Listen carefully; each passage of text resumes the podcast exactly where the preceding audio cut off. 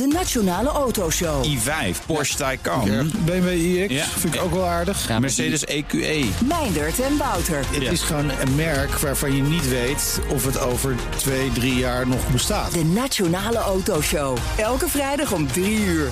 De Nationale Autoshow wordt mede mogelijk gemaakt door Van Mossel. Van Mossel, voor mobiliteit voor iedereen. Blijf scherp. BNR Nieuwsradio. BNR breekt. Kees Dorrestein.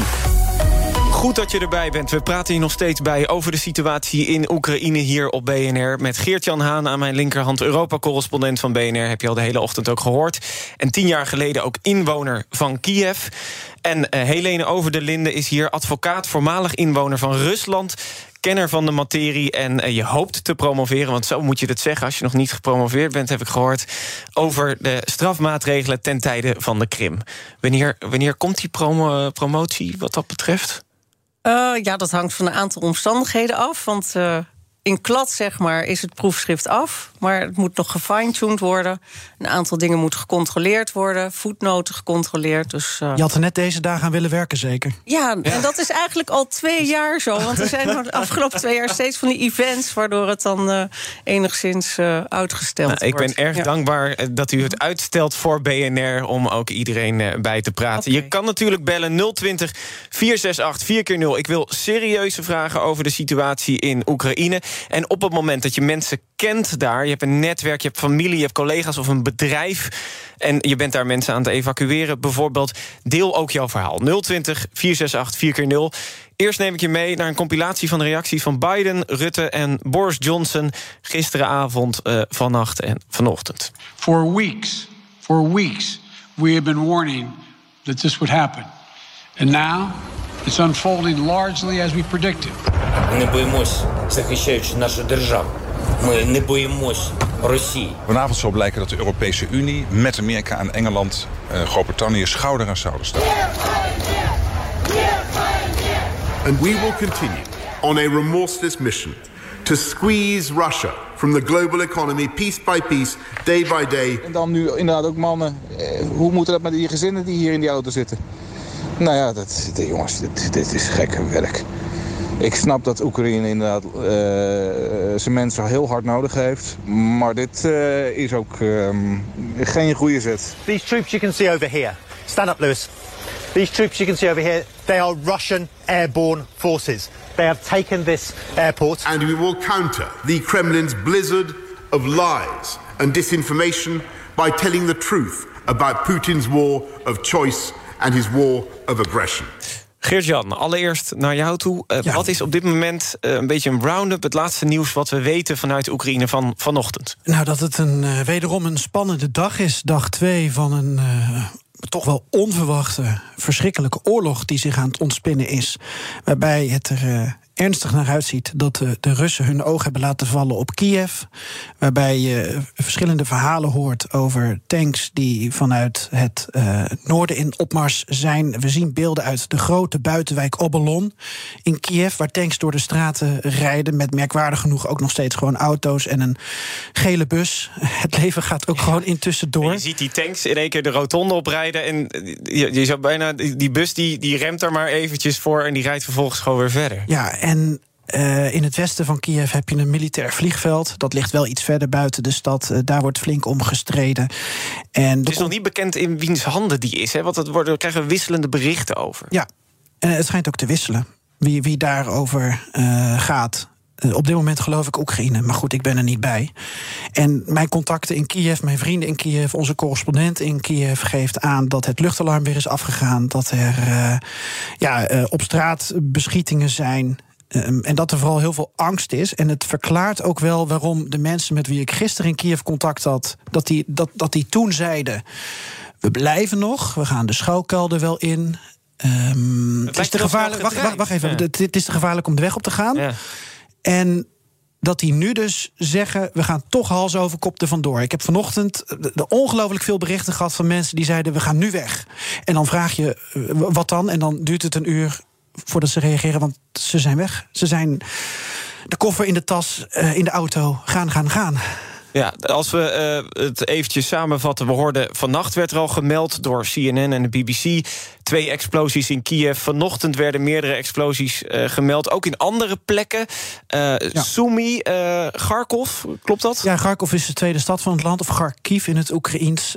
soms gebruiken, dat zal Helene ook doen... gaan we namen en door elkaar gebruiken. Omdat de talen, het zijn verschillende talen... maar sommige dingen zijn vrij herkenbaar van Precies. elkaar. Als je twijfelt, kijk even op Google Maps... als je luistert van over welke stad hebben ze het, dan, dan kan je die route een beetje met ons belopen. Nou, in Kharkiv is de tweede stad. Ook daar krijg ik nu berichten van mensen die daar de schuilkelder weer zijn ingegaan. En het is een meerfrontenaanval die de Russen sinds gisternacht zijn, uh, zijn geopend. En van alle kanten wordt uh, Oekraïne, de integriteit van de Oekraïne nu aangetast. Zelfs vanuit uh, de zee.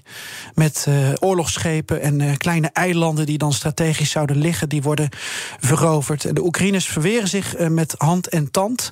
Maar het ziet er niet best uit, ook politiek gezien... met het oog op wat er in Kiev staat te gebeuren... als de Russen daadwerkelijk achter Zelensky aan zouden zitten. parlement, toch? Als je al in die buitenwijk bent.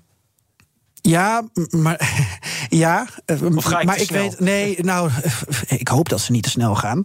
Je weet natuurlijk niet hoe de Oekraïners die het parlement verdedigen, um, hoe, waar, waar Zelensky precies is je, je, weet niet hoe bloedig het gaat worden. Ik vrees heel bloedig, zowel uh, Russen als Oekraïners kennende. Maar het, het, zijn bovenal broedervolken. Dus het is bovenal gewoon bijna niet te begrijpen dat dit uh, gebeurt. Ja, dat komt natuurlijk door één man en dat is Poetin. Wat dat betreft. Dat is, ja, dat, dat, lijkt me duidelijk. in de geschiedenis vaker gebeurd, ook toen Poetin er nog niet was. Maar nee, exact. tragisch is het wel. Uh, Helene, jij hebt veel connecties in Rusland, ook vrienden in Oekraïne. Uh, wat hoor je vanuit daar? Uh, nou, net nog heb ik vanuit Oekraïne gehoord van uh, vrienden die nu in Nederland wonen, omdat ze hier werken als uh, kennismigranten. en ik vroeg waarom hun ouders niet zijn vertrokken. En ze zeggen, ja, die hebben eigenlijk tot gisternacht gedacht dat het allemaal niet zo'n vaart zou lopen. Ja, en toen gisternacht begon het. Toen was het eigenlijk te laat. Want zei, je moet je ook voorstellen, als we weggaan, dan moet je wel ook al je spullen pakken. En ze hebben dan nog een, een oude oma in huis wonen die uh, slechter been is. Is het een beetje zoals Geert-Jan ja. schetst? Van gisteren was het nog de schuilkelder en vandaag is het in één keer toch ja. weg. Is het zo snel Ja. gegaan dan?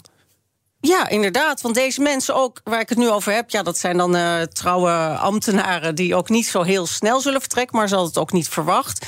En gisteren ja, hadden ze gewoon niet de gelegenheid... S ochtends vroeg om alles snel te pakken en uh, op pad te gaan. En daarna bleek het ook al eigenlijk onmogelijk... want uh, dat zagen wij ook op televisie. Alle wegen waren verstopt, benzine vaak op. En vandaag schijnt het eigenlijk al niet meer mogelijk te zijn om te vertrekken... Ja. En ze zeggen om verschillende redenen, mannen tot 60, tussen 18 en 60 mogen ook echt het land niet meer uit. En verder op alle grote uitgaande wegen is het gevaarlijk geworden. Want er komen ook continu tanks en uh, Russisch materieel komt er aanrijden over diezelfde wegen via wie jij dan wil vluchten. Ja. Dus dat kan ook ter plekke een hele gevaarlijke situatie. En je moet je leven. voorstellen dat uh, geografisch gezien, misschien belangrijk om, om Oekraïne even uit te leggen. Het land wordt doorsneden door de rivier de Dnipro. Op zijn Oekraïens, Dnieper in het Russisch. Ja.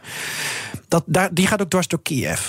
Uh, er zijn natuurlijk een aantal bruggen, maar we weten ook dat uh, de Russen infrastructuur aan het uitschakelen zijn, zowel militair als soms ook strategisch ja, als een deel van het land, of een groot deel van het land wil vluchten, maar naar uh, Roemenië, uh, Polen, uh, dat soort landen dan wil. moet je over die Dnieper heen. En je zit aan die andere kant, dan moet je daar overheen. En dat gaat om miljoenen mensen. En ik denk dat, dat het daarom ook nu zo onoverzichtelijk is. Van ja, als er Russen vanuit het noorden komen, dan ga je automatisch naar het zuiden. Maar goed, ze stomen ook op vanuit de Krim. Ik had nooit gedacht dat ik dit zo zou vertellen trouwens. Het is net alsof ik een, een bordspel aan het doen ben. Ja, alsof ik risk aan het doen ben. Maar, maar ja, als we het uh, nu toch hebben over die mensen daar. Uh, de vluchtelingen. Daar zie je al uh, sinds gisteravond... Gister, nou, eigenlijk al sinds gisterochtend zie je al foto's voorbij komen... op de BBC, op CNN en de andere grote nieuwsbronnen... van de auto's die naar de grens trekken. Um, Geert-Jan, wat weten wij nu over hoe dat gaat. Want ik hoor ook verhalen van dat er kilometers rijen staan bij de grens, bijvoorbeeld ja. met Polen. Ja, ik beperk me even tot de, de, de grens met uh, de Europese Unie. Uh, de Russische grens heb ik even niet helemaal paraat, want ook daar gaan mensen naartoe. Die in het oosten zitten. Um, Polen en Roemenië weet ik het meeste van. Uh, Polen is een enorm lange file eh, vanuit Lviv tot aan de Poolse grens zijn een aantal uitvalswegen. En we weten dat bij de grootste snelweg waardoor je het land uit zou kunnen. ehm, en dan kom je bij de Poolse plaats Medica uit. Dat eh, daar dus auto's eigenlijk worden tegengehouden omdat de mannen het land niet uit mogen. En dan kom je voor de ongelooflijk moeilijke situatie. Ga ik met het hele gezin terug ergens in West-Oekraïne zitten? Of, of laat ik mijn gezin doorgaan en blijf ik als man achter? En wat hoor jij nu van jouw contacten daarover? Dat dat een onmogelijke keuze is. Maar, maar, maar gebeurt het? Eh, of is het dan toch eh, met het gezin terug? Want je, vanochtend haalde je ook al een vergelijking met Afghanistan aan. Waar we bij dat vliegveld echt kinderen over hekken gegeven zagen worden. Van neem dan alsjeblieft mijn kind mee. Ja, en dat, is het volgens mij nog situatie. niet. Dat is volgens mij nog niet. Maar ik kan natuurlijk niet, niet namens iedereen spreken. En ook namens. eh, Het is één grensovergang bij Polen daar. Maar eh, volgens mij eh, is het niet zo dat dan de, de man alleen gaat en het gezin achterblijft. Volgens mij blijven ze dan bij elkaar. Ehm, ik weet niet wat voor geluiden Helene heeft, maar. Ja, wat- dat heb ik ja. ook gehoord. Ja, ja, Toch gaat- terug. Nee, je gaat samen of je Ja. gaat niet. Maar je gaat niet eh, een man of een oude oma achterlaten. Maar dat betekent ook, want er wordt ondertussen ook door het ministerie van Defensie opgeroepen: iedereen die kan vechten. Maakt niet uit hoe oud Mhm. je bent. Of je één been hebt, of je één arm hebt. Als je maar iets kan vasthouden waarmee je kan vechten. Die moet nu gewoon ge- vechten. Ja. Dat betekent dan ook Ja. dat je dat moet doen. Heb ik net ook gevraagd aan die vrienden van mij... die dus in Amsterdam wonen en hun ouders in het Dnipro. Ja. En die man die is tegen de 60, dus die zou nog eh, opgeroepen kunnen worden... maar die is nog niet opgeroepen. Ze zeggen, we beginnen met de jonge, vitale mannen. Maar in Kiev schijnt er nu al zo'n tekort te zijn... aan jonge, vitale mannen, dat ook de ouderen al... eh, Ja. En waarom een tekort? Of dat ze er gewoon niet zijn, of dat ze zijn weggetrokken? Omdat het gevaar Heel- veel groter aan het worden is. Ja, ze hebben heel veel mankracht nodig. Dat is het gevaar. Maar is het Ja. niet al te laat als je dan. Ja, maar wat zou jij doen?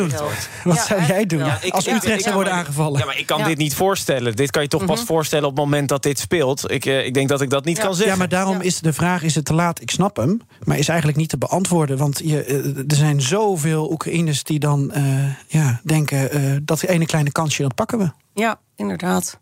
Maar ik denk ook in... BNR breekt. Kees Dorrestein. Helene, wat wilde je nog zeggen? Nou, ik wilde zeggen, deze vrienden van mij die hebben net ook gezegd... als er iets is eh, wat het Westen nog kan doen... dat is eh, nu hulp vanuit de lucht aan Kiev. Omdat er dus... er eh, is al ja, vanuit het Westen gezegd dat er geen Ja, ingrijpen ja, gaat komen. precies. Zeg En je dat dan ook terug tegen ze? Van, dat gaat zeg ik. En zij zeggen eigenlijk is wat er nu gebeurt... is al een aanval op het Westen. Dit is Ja. al eigenlijk zo geëscaleerd. Het Westen kan niet meer eh, zeg maar leidelijk toezien en eh, eh, handelen alsof Oekraïne geen NAVO-bondgenoot is. Dat was hun reactie. Het Van, is wel grappig, want ik Ja. krijg dan weer reacties van mensen die zeggen: het luchtruim moet dicht. Ja. Juist zodat Helemaal de. Russen niet meer eh, kunnen bombarderen. Ja, maar zij zeggen van nou ja, die Russen zijn al bezig en dat is in Kiev een e- enorm gevaar nu. Dus kom met eh, versterking vanuit de lucht. Dat was de oproep. 020 468 4 keer nummer eh, 0 eh 4 keer 0.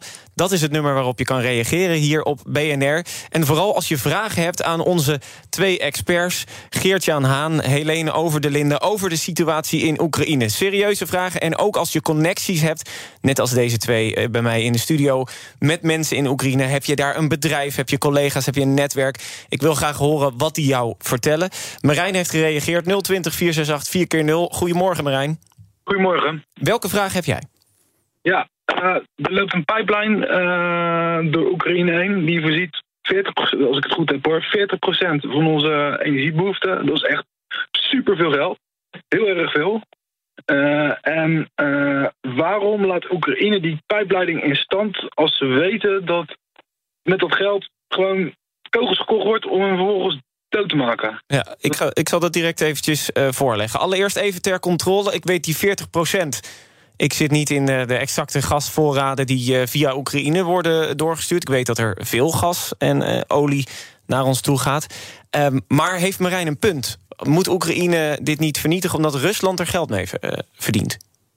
Nee, dat gaan ze denk ik niet doen, omdat ze het Westen juist te vriend willen houden. Dus dan zou dit een, eh, een niet al te eh, best diplomatiek signaal zijn. Ook vanuit eh, Oekraïne. Misschien als ze echt wanhopig zijn dat een aantal mensen dat doet. Maar dit zal denk ik niet een opdracht vanuit de overheid het is zijn. natuurlijk dit, dit is wel een opvallende vraag. Maar het is, het is in de Tweede Wereldoorlog.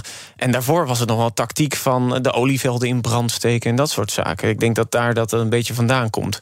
Maar dat Ja. lijkt niet heel slim in deze situatie dus. Nee, en we zijn er ook van afhankelijk. Want dit speelt eigenlijk al heel lang. Van hoe zit het eh, met die gaspijpleiding door Oekraïne? Afgezien van Nord Stream 2. Dat is eigenlijk al decennia is dat een eh, punt van geschil. Want af en toe knijpt Rusland ook de gaskraan dicht. Naar Oekraïne hebben we een aantal jaar geleden gezien. Ja, en eh, ook de EU is afhankelijk van die, die toevoer. Dus ik denk niet dat daar nu heel snel iets aan gedaan gaat worden. Nou, over gastoevoer gesproken, daar kom je al Mhm. heel snel bij sancties. Want dat wordt dan gezegd, ja, gaat dat niet als tegenmaatregel komen. Ehm, er zijn sancties vanuit eh, de verschillende kanten van de wereld aangekondigd. Amerika, Groot-Brittannië, de EU. Eh, de, de exacte sancties vanuit de EU moeten nog bekend worden. Als die bekend worden, hoor je dat hier op BNR. Maar wat er op tafel ligt, zou zijn een exportverbod voor bepaalde apparatuur, voor wapens, een importverbod voor wapens uit Rusland, een visumverbod eh, voor personen die op de Europese sanctielijst staan, Russen dus, en uitgebreide sancties richting eh, oligarchen, eh, bepaald verkeer met banken verbieden. Eh, dus eigenlijk wordt er gewoon gekeken, we pakken de bestuurders, we pakken de, eh, de Russische bedrijven, we gaan niet voor het Russische volk, wordt er dan gezegd vanuit Nederland. Is dat een slimme zet? Eh, vooralsnog doet de EU dit inderdaad. En vind ik het een goede zet. Want waarom zou je nu het volk al raken? En ja, deze sancties zullen Poetin niet eh, tot andere ideeën brengen. Dat is ook al eigenlijk uitgebreid in het nieuws geweest. Van hebben deze sancties nut? Nou, We hebben nee, het al eerder deze week dat over gehad, nog voor de inval. Dat gaat, dat gaat ja, niet gebeuren. Nee, dat gaat niet gebeuren. Maar het is wel een teken van wij staan hier niet achter. En eh, je moet nou eens luisteren. En eh, zodra er ook oligarchen worden getroffen, dan is er misschien nog een mogelijkheid dat die Poetin kunnen bewegen van joh, dit gaat wel heel ver. En Want durven die dat? Want Poetin is natuurlijk wel een machtige man. Ja, maar hij heeft toch wel een entourage van, eh, van een aantal eh, vrienden. Hij kan het natuurlijk nooit alleen doen. Dus eh, samen staan ze sterk.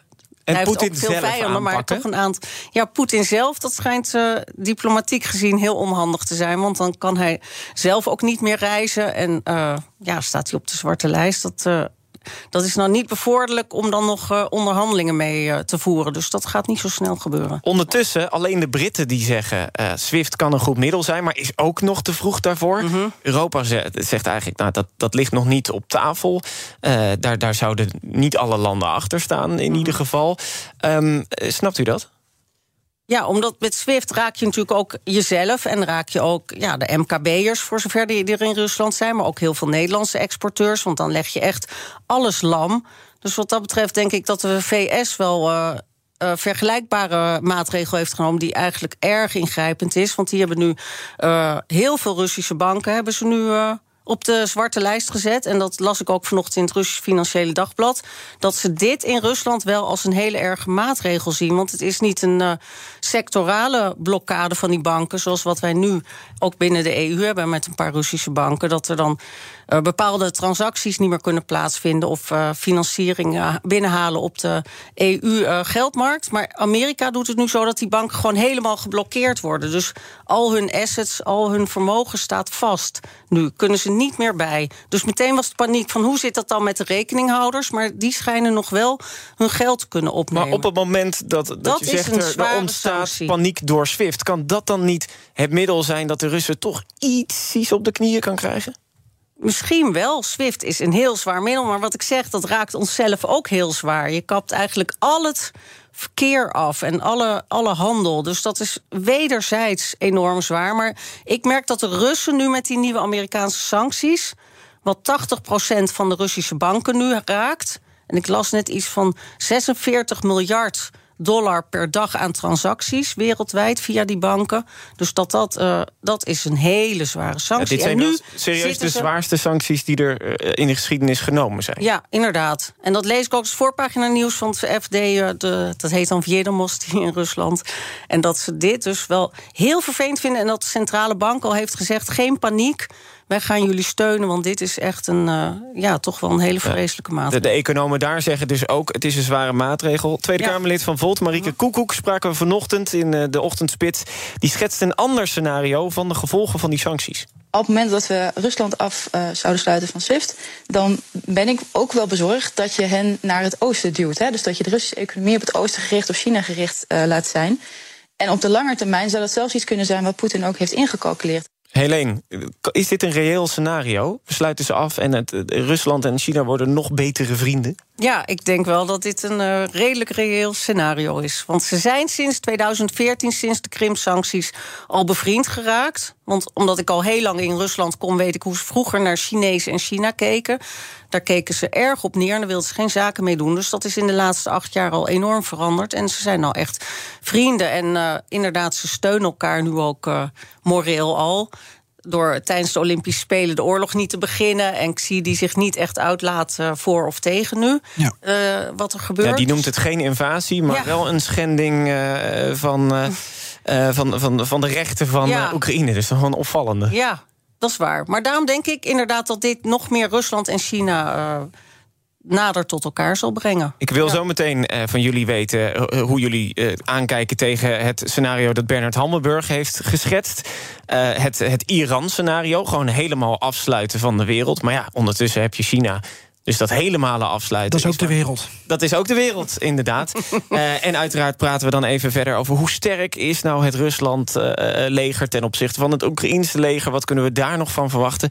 Maar eerst uh, kan iedereen natuurlijk bellen. 020 468 4 Emily heeft dat gedaan. Emily, goedemorgen. Goedemorgen. Jij hebt familie wonen in Oekraïne. Ja. En welke reacties uh, hoor je daar vandaan? Um, nou, in eerste instantie, ik, um, ja, sorry als ik hier, ik wil me eerst een beetje verontschuldigen als ik hier een beetje heel erg emotioneel door word, want um, het raakt me echt heel erg.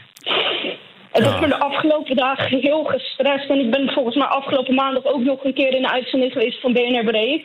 Met toen met die, sank met die, op die sancties uh, Poetin uh, wel uh, zouden zeg maar. Uh, ja, ja, je, je zei toen inderdaad dat je hoopte dat die sancties Poetin nog tot inkeer uh, zouden kunnen brengen. Ja. En ik snap heel goed dat je emotioneel wordt hiervan, want je hebt uh, familie daar. Heb je nog wel contact met ze kunnen hebben? Want ik hoorde net van Geert-Jan ook dat bepaalde plekken...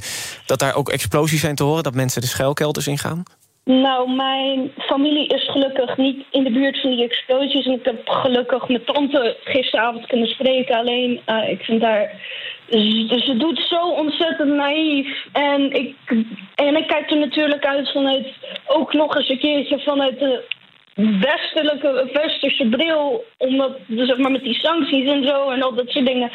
En ik, en ik zeg zo tegen, tegen, tegen mijn tante van... nee, wees alsjeblieft realistisch. Kijk alsjeblieft niet alleen naar nu omdat het nu stil is... maar kijk ook naar wat er kan gaan gebeuren. Want mijn tante die blijft daar. Ik weet niet uh, hoe ze het met mijn oma nu gaan doen. Want mijn oma was, wel, was er wel een plan om die vanuit het noorden zo ergens... Ik heb dat uiteindelijk niet, helemaal niet meer gevolgd... want ik zat er zo vreselijk mee. Het, ja... En ook wat, ik, wat me ook gewoon heel erg stresst. En ik denk dat vooral mijn generatie, de Gen Z'ers, er wel een beetje um, mee te maken hebben. Dat is vooral op het internet, hoe er zulke vreselijke nare grappen over gemaakt worden. En het heeft mij, het, letterlijk, um, het heeft mij gewoon op, echt op een bepaald level al gewoon getraumatiseerd.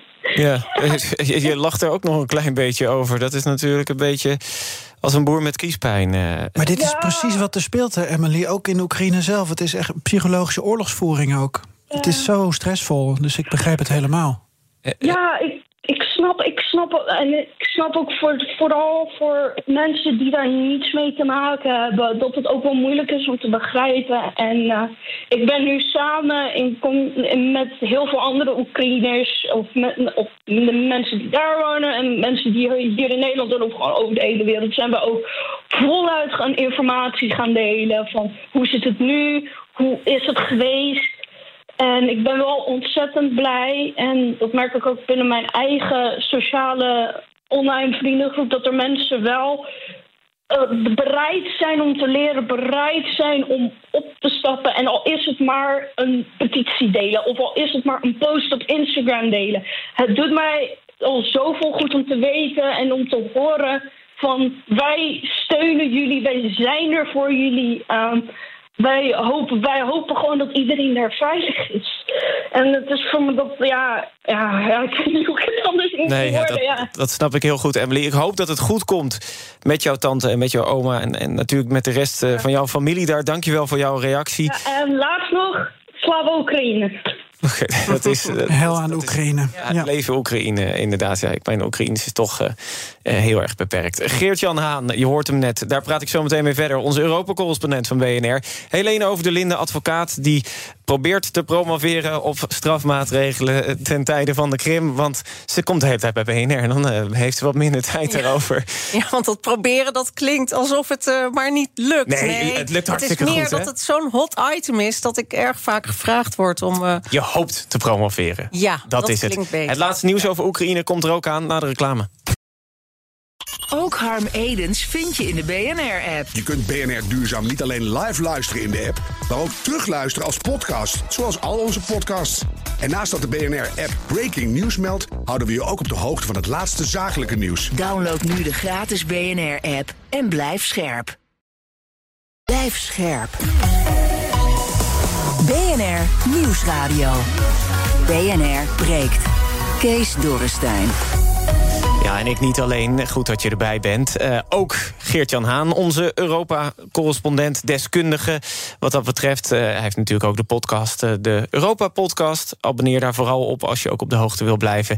En Helene Over de Linde, advocaat, die hoopt te promoveren op strafmaatregelen ten tijde van de Krim. En met jouw reactie 020 468 4x0. We gaan zo meteen even een paar vragen voor onze deskundigen erbij pakken. Geert-Jan Haan, jij hebt laatste nieuws over dat vliegveld. En hebben we het dan over eh, dat in Rusland eh, aangevallen is door de Oekraïners? Of in. Nee, het vliegveld eh, ten westen van Kiev. ehm Hostomel. Wat ik denk zo'n 20, 25 kilometer buiten het centrum van de stad ligt. wat dus afwisselend in de Oekraïnse dan weer Russische handen is. En volgens het laatste nieuws is dat vliegveld door de Oekraïners zelf onklaar gemaakt, om het zo te stellen. Dus, dus eigenlijk hebben ze het zelf vernietigd. Met het eh, idee dat eh, Russen daar dan niet gebruik van kunnen maken en niet op dat vliegveld kunnen landen. Omdat Kiev al eh, van verschillende kanten nu wordt aangevallen door de Russen. Dus hebben ze het om die reden onschadelijk gemaakt. Ja, want de Russen, dat, dat zien we nu in meerdere media, zijn in Kiev op dit moment, in een buitenwijk. Ja, de buitenwijk uh, Abalon waren ze gesignaleerd. En we hoorden dus net in de nieuwsupdate dat er ook al sprake zou zijn van uh, iets dat gaande is echt in het centrum. Dat kan ik nog niet be bevestigen. Um, wel zie ik dat ook uh, in het centrum van Kharkiv, in de tweede stad, daar ook, dat daar ook raketten opvallen. Dus het is uh, aan alle kanten mis. We gaan even een paar vragen doen van luisteraars. 020 468 4x0. Er wordt heel veel gebeld. Veel mensen staan lang in de wacht.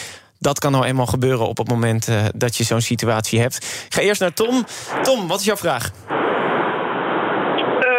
Uh, goedemorgen. Uh, in nou, deze buitengewone situatie wil ik vragen over wat onconventionele ehm, maatregel. Ehm, we zagen in het Midden-Oosten dat uh, sterke regimes ontver worden geworpen door hun bevolking als daar onrust ontstaat.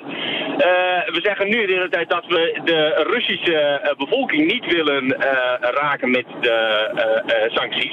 Zouden er geen sancties mogelijk zijn waarbij we wel ook die Russische bevolking wellicht wat isoleren, wat onrust veroorzaken, zodat we uh, nou ja, wellicht een, een opstand richting Poetin uh, veroorzaken, zodat hij daar ook wat druk krijgt vanuit zijn eigen bevolking.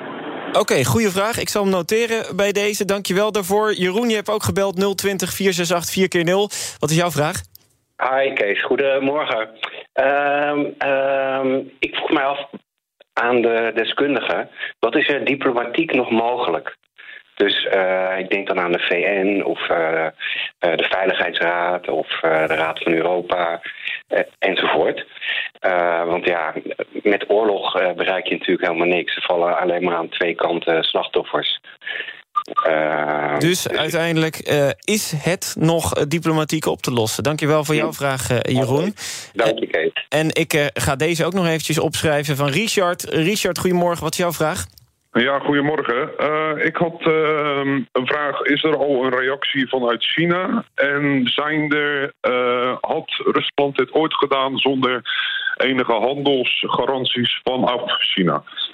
Nou, er is al een reactie uit China. Uh, dat, dat hebben wij uh, gisteren kwam de eerste reactie daarvan uit. Uh, die noemen het niet een invasie, maar die vragen om het nog steeds diplomatiek op te lossen. Maar die tweede vraag, dat is goede om voor te leggen. Die leg ik direct aan Helene voor. Kan het zo zijn dat Rusland dit gedaan heeft omdat ze ook al stiekem garanties hebben gekregen van China om daar nog steeds zaken mee te kunnen doen?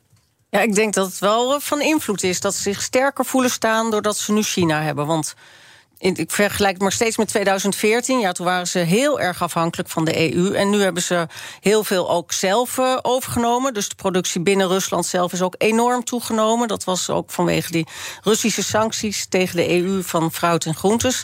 En verder zijn natuurlijk de banden inderdaad met China enorm aangehaald. Dus ik denk dat ze zich gesterkt voelen, dat invloed heeft. En als we het dan, uh, wat dat betreft, we hebben het weer heel even over sancties. Ik noemde het net voor de reclame. Dat model dat uh, Bernard Hammelburg het ook over heeft gehad in uh, in de ochtend bij ons... het Iraanse model volledig afsluiten. Um, misschien kan dat met Iran, denk ik dan... maar omdat China toch altijd die banden heeft... hoe, hoe kijken jullie daar tegenaan? Is dat überhaupt een reële optie, Helene? Uh, nou, het, zou geprobeerd kunnen worden, maar ik denk dat er inderdaad altijd wel uitwegen gevonden worden. Want Rusland uh, dat werd ook de laatste dagen op nieuws ook wel gezegd, heeft erg veel deviezen van olie en gas. Dus ze kunnen altijd wel uh, partijen bereid vinden om toch nog met hun zaken te doen, omkopen of gewoon uh, handelsverdragen mee afsluiten. Dus helemaal afsluiten, dat zou dan in dit geval betekenen vanuit de hele wereld gaat zeker niet lukken. Vanuit de EU zal inderdaad wel wat effect hebben op de korte termijn. Maar daarna gaat Rusland toch uh, andere bronnen aanboren. Ja, ja, dus dat is wat dat betreft uh, minder uh, kan dat helpen. Ja. die diplomatieke uitweg waar Jeroen het over heeft... is dit überhaupt nog diplomatiek op te lossen? Want Zelensky, de president van Oekraïne, vraagt daar ook om. Ja, zei hij heel optimistisch. Misschien ja, tegen alle. je kan het wel ja. vragen, maar ja. Nou, laat ik het zo beantwoorden. Uh, de diplomatieke kanalen zijn nog open. En ik zag net dat de minister van Buitenlandse Zaken van Rusland, Lavrov, weer sprak en de boodschap van Poetin herhaalde. Namelijk, we willen Oekraïne niet bezetten, maar demilitariseren. Dat betekent dus eigenlijk op, op elk militair gebied kapot maken. Uh, waarmee je eigenlijk het land natuurlijk enorm ontwricht. Dus ze willen eigenlijk Oekraïne zwak maken. En totaal geen draagvlak meer laten hebben voor het Westen. Nou, ik denk alleen dat, dat, dat als je dat diplomatieke kanaal open houdt, en dat is er nog, dat, nou ja, dat is een voorwaarde voor een oplossing. Kom je verder dan nu uh, praten met elkaar en dat het het ene oor in en het andere uitgaat, ja, dat, dat is mijn grote vraag. Want, ja, want ik denk, het is leuk dat er gevraagd wordt... wil een diplomatieke oplossing... maar het lijkt nu toch echt dat ze richting uh, de regering van Oekraïne... in Kiev aan het opstomen zijn. En die is, als die er niet meer is, is er ook geen diplomatieke oplossing. Maar dat is misschien een hele goede vraag nu aan uh, Poetin en Lavrov... en met name denk ik in de VN-veiligheidsraad. Uh, dat soort organisaties, dat je dan, dan heb je een, een Russisch diplomatiek kanaal... een aanspreekpunt. En probeer dat nou maar te vragen en te begrijpen. Ik zie ook. Helene, ja. Ja. ja, inderdaad. Nou, eerst even over diplomatieke weg. Ik denk inderdaad dat die altijd nog open staat. Maar wat betreft de VN, ja, uh, Rusland heeft natuurlijk een vetorecht in de VN. Dus dat maakt het heel moeilijk om uh, de Veiligheidsraad een besluit te laten nemen. Dus dan kan het van de Algemene Raad, die dan wat adviezen gaat geven. Maar ja, daar zal Rusland zich uh, nu niet echt aan houden. Nee, want het heeft het in 2014 ook niet gedaan. Nou, en dan inderdaad die andere variant van dat Russen nemen in Kiev de macht over. Is er dan nog een diplomatieke oplossing? Ja. Ja. Dat, dat, ik vraag me dat af. Nou, ik denk dat uh, gaan ze heel snel een aantal wetswijzigingen doorvoeren... die eigenlijk allemaal te maken hebben met het associatieverdrag... wat de EU met Oekraïne in 2014 heeft getekend... nadat Janukovic was vertrokken. En uh, dan zullen ze een aantal wetten uh, wijzigen... waardoor Oekraïne weer de neutrale status aanneemt. Non-blok-status, dat is heel belangrijk. Dus dan zal het geen NAVO-lid meer worden. En een aantal andere En dan zijn de banden wetten. met Europa ook doorgebroken. Precies, dus dat is heel simpel. Dat kan in één, twee dagen kan dat uh, voor elkaar zijn. Tot slot die vraag van Tom. moeten we niet sancties richten op de Russische burger... in de hoop dat zij zich dan gaan verzetten tegen hun eigen overheid? Ja, ik vind dat heel vergaand. Dat zou dan sancties zijn in de vorm van economische boycott... dat allerlei cruciale producten die wij exporteren naar Rusland... van uh, consumer goods, telefoons, niet meer... Ja, dan zullen er tekorten ontstaan, net als in de Sovjet-tijd. Ik ja, heb toen nog in Rusland gewoond, dus ja... dan is er een, inderdaad uh, overal tekort aan. Mensen worden boos, maar dan om een verhaal af te maken... dan gaan ze de straat op. Maar Poetin heeft, naar aanleiding van de Navalny-protesten vorig jaar...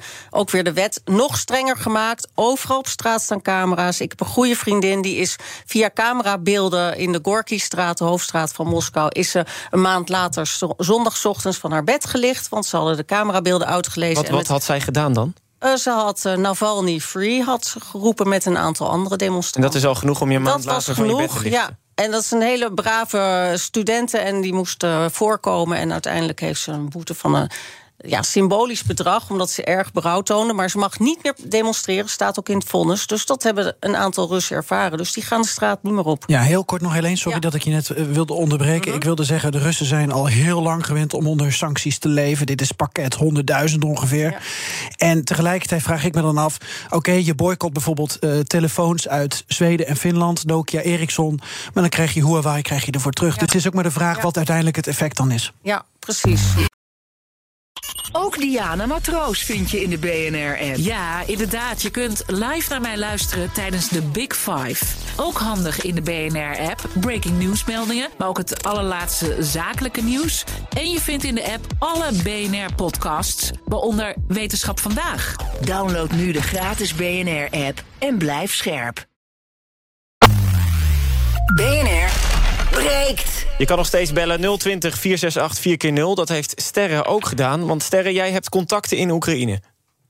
Ja, dat klopt. Was ben ik nu in de uitzending? Je bent nu in de uitzending op Ja. BNR, Ik moet even inderdaad. schakelen. Nee, klopt. Ik heb twee vriendinnen van mij daar wonen. Eh, eentje is gisterochtend meteen gevlucht richting de grens bij Polen.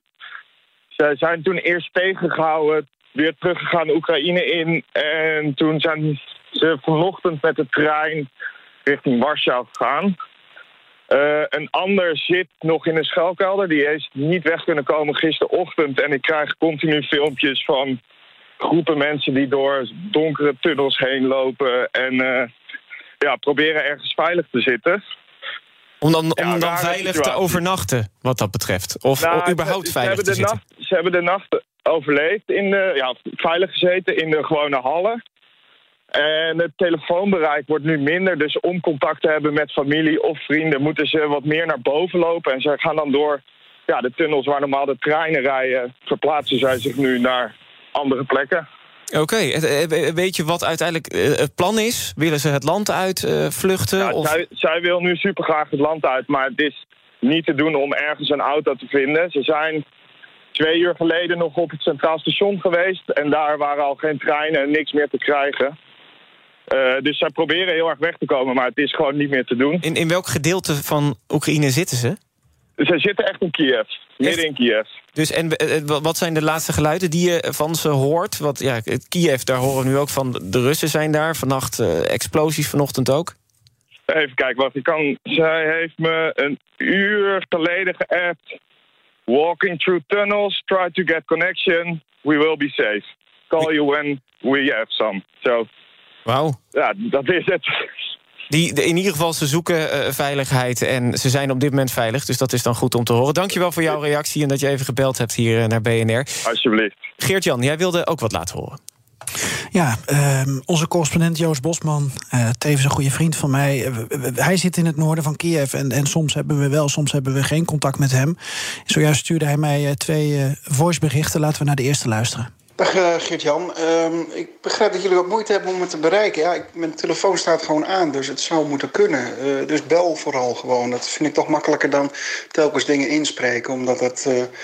ja, ik heb liever dat ik antwoord geef op een vraag. Dat praat wat makkelijker. Nou, Vandaar. wat mij betreft, eh, bel hem als kan. Dan, ja, eh, maar pro- dat, dat maar proberen even. we dus de hele ochtend. Maar het gaat toch niet helemaal lekker met die lijnen. Eh, Dus dat wil ik aangeven van in principe eh, is er nog eh, communicatie mogelijk met Kiev. En is er nog niet een, full-out eh, cyberaanval en blackout en alles. Alles doet het nog. Maar ja, iedereen is aan het bellen. En overal gebeurt natuurlijk van alles. Dus er gaat wel eens wat mis. We hebben energiecentrales die worden aangevallen. Eh, alles staat onder druk natuurlijk. Ik heb nog een tweede berichtje van Joost. Maar als het echt niet lukt om me te bereiken, zeg het dan. Dan eh, spreek ik toch nog wel even wat. Oké, dat is Dat is fijn. sympathiek van hem. Nou, we kunnen kijken of we Joost misschien via WhatsApp kunnen bellen. Of dus de internetlijn dan beter werkt dan de telefoonlijn. Eh, maar goed, we, we, we hopen dat hij de hele dag natuurlijk bereikbaar is. Hij zit in die buitenwijk van Kiev, waar, eh, de Russen, waar nu bericht over wordt op verschillende media dat de Russen daar zijn. Ja, maar het is een hele grote buitenwijk, Obbelon. Eh, hij zit bij mijn weten op een redelijk oké plek. Ook in redelijk goed gezelschap. En Joost is uh, ervaren. Uh, en dat is heel raar, want je, je wordt, en dat zal Helene erkennen, je, je wordt gegrepen door Oekraïne en Rusland en door, door de Slavische regio om allerlei redenen. Maar ineens praten we sinds 2014 heel veel over oorlog. En Joost is ja, uh, schade en schande bewijs geworden als oorlogsverslaggever. Maar dat was absoluut ook niet zijn bedoeling. we gaan hem proberen te bellen. En sowieso gedurende de hele dag zullen we waarschijnlijk updates van hem krijgen over wat er nu gebeurt in uh, Kiev. Wat betreft de aanvallen.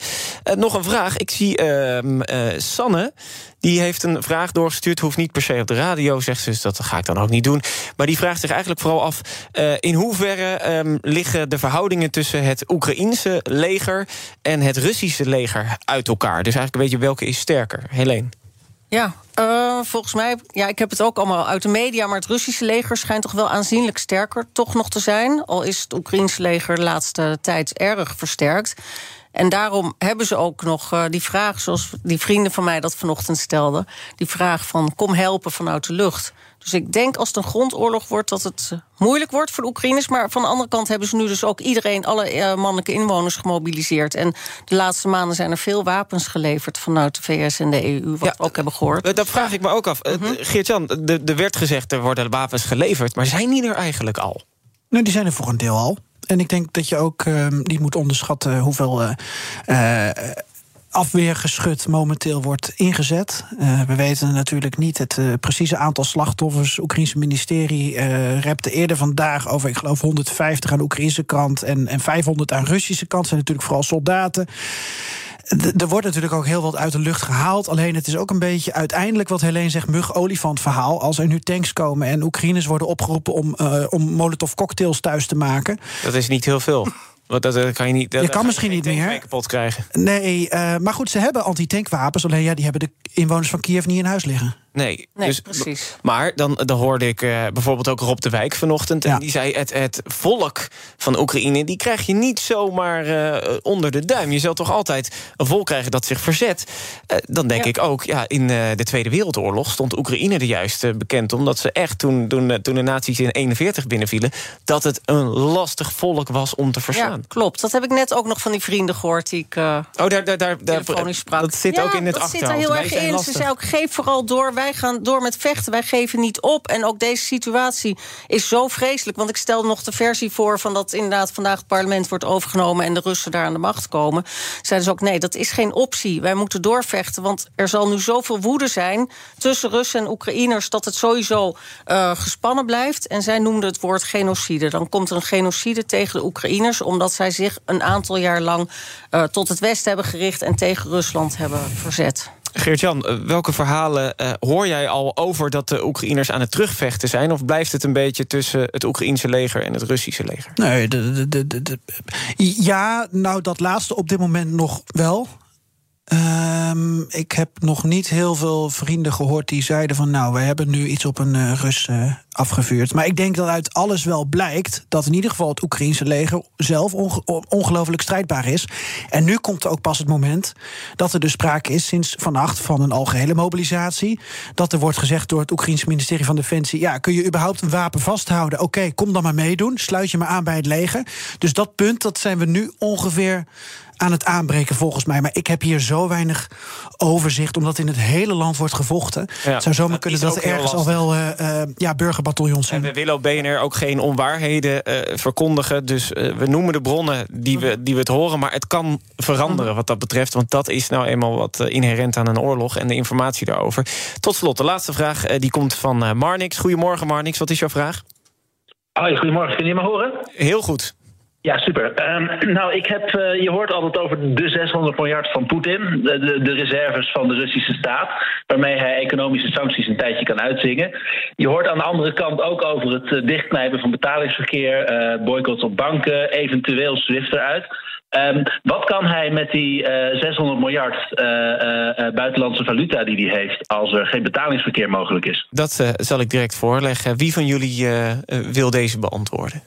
Helene, zie Ja, ik. Nou, nou ja, ik denk inderdaad dat er heel veel mee kan. Omdat nu vanuit VS ook heel veel sancties zijn opgelegd aan de Russische banken. Dus dat 600 miljard is veel. is veel geld. Dus, en dat zei ook de Russische Centrale Bank. Wij gaan eh, de banken die nu door de sancties worden getroffen... in elk geval direct steunen. En verder eh, ja, gaan wij zoveel mogelijk sectoren... die geraakt gaan worden steunen. Dus dat kan op allerlei manieren. Maar is het genoeg om dit weken, maanden, jaren vol te houden?